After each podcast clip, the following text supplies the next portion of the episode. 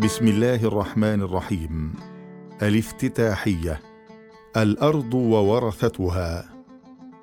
في المقال الافتتاحي لهذا العدد يكتب الأستاذ فتح الله جولا عن أزمات العالم الإسلامي في هذه الفترة الحالكة من تاريخه ثم يعود بعد تشخيصه لهذه الأزمات إلى وضع الحلول لخروجه منها.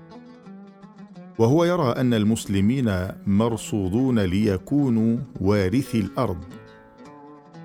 إذا هم انبعثوا لتجديد أنفسهم والارتقاء بأفكارهم وسلوكياتهم إلى ما يريده منهم دينهم. وأن دنياهم اليوم تتخلق في رحم الغيب وهي لا بد أن تخرج إلى النور يوما ما ولعله يكون قريبا. وإذا كان القرآن الكريم هو الوصاف للأمة التي سترث الأرض فمقال الشاهد البوشيخي المعنون بالقرآن والإنسان يكاد يصب في الاتجاه نفسه. وفي العمل النهضوي المراد من المسلمين اليوم ففؤاد البنا في مقاله الموسوم بجناح العروج إلى فردوس الإيمان يريد للمسلم الذي يشكل اللبنة الأولى في صرح الأمة وأن يكون طموحا إلى العلو نحو فراديس الإيمان. وهو بالتالي يدعم الفكر الاستنهاضي الذي يدعو إليه كتاب المجلة في هذا العدد. فهذا البناء الإيماني لا بد أن يكون مرادفا له بناء معماري يعلو بصرحه موازيا لصرح الأمة الإيماني. وهذا ما يشير إليه العربي بوعياد في مقاله عن نحو تصور إسلامي معاصر لقضايا العمران.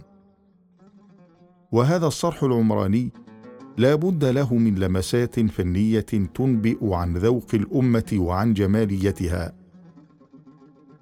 ويأتي مقال معصوم محمد خلف لكي يحدثنا عن فن الزخرفة الإسلامية بين الرمز والدلالة.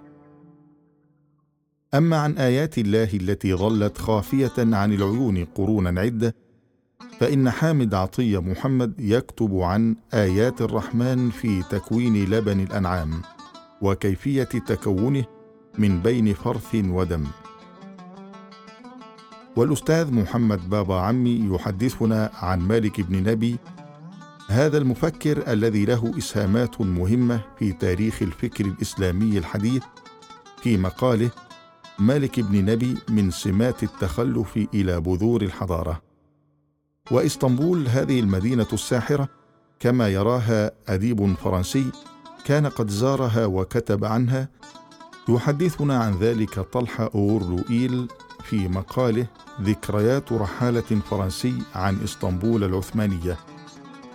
ومقال علمي آخر لأحمد عبد الحفيظ يتحدث فيه عن الجنين في بطن أمه وعن الإعجاز الإلهي خلال تحدث هذا الجنين إلى أمه من مكانه في رحمها. وعن الخلة والخليل إبراهيم وعن الأبوة والنبوة وعن حادثة التضحية الكبرى يحدثنا أديب إبراهيم الدباغ في مقاله الذبح العظيم. وعن موضوع نفسي غاية في الأهمية يحدثنا حسن يوسف شهاب الدين في مقاله عن الهم والهرم من منظور القرآن الكريم والسنة النبوية. وعن الصيدلة الإسلامية وعن نشوئها وتطورها في القرون الوسيطة يحدثنا عنها بركات محمد مراد.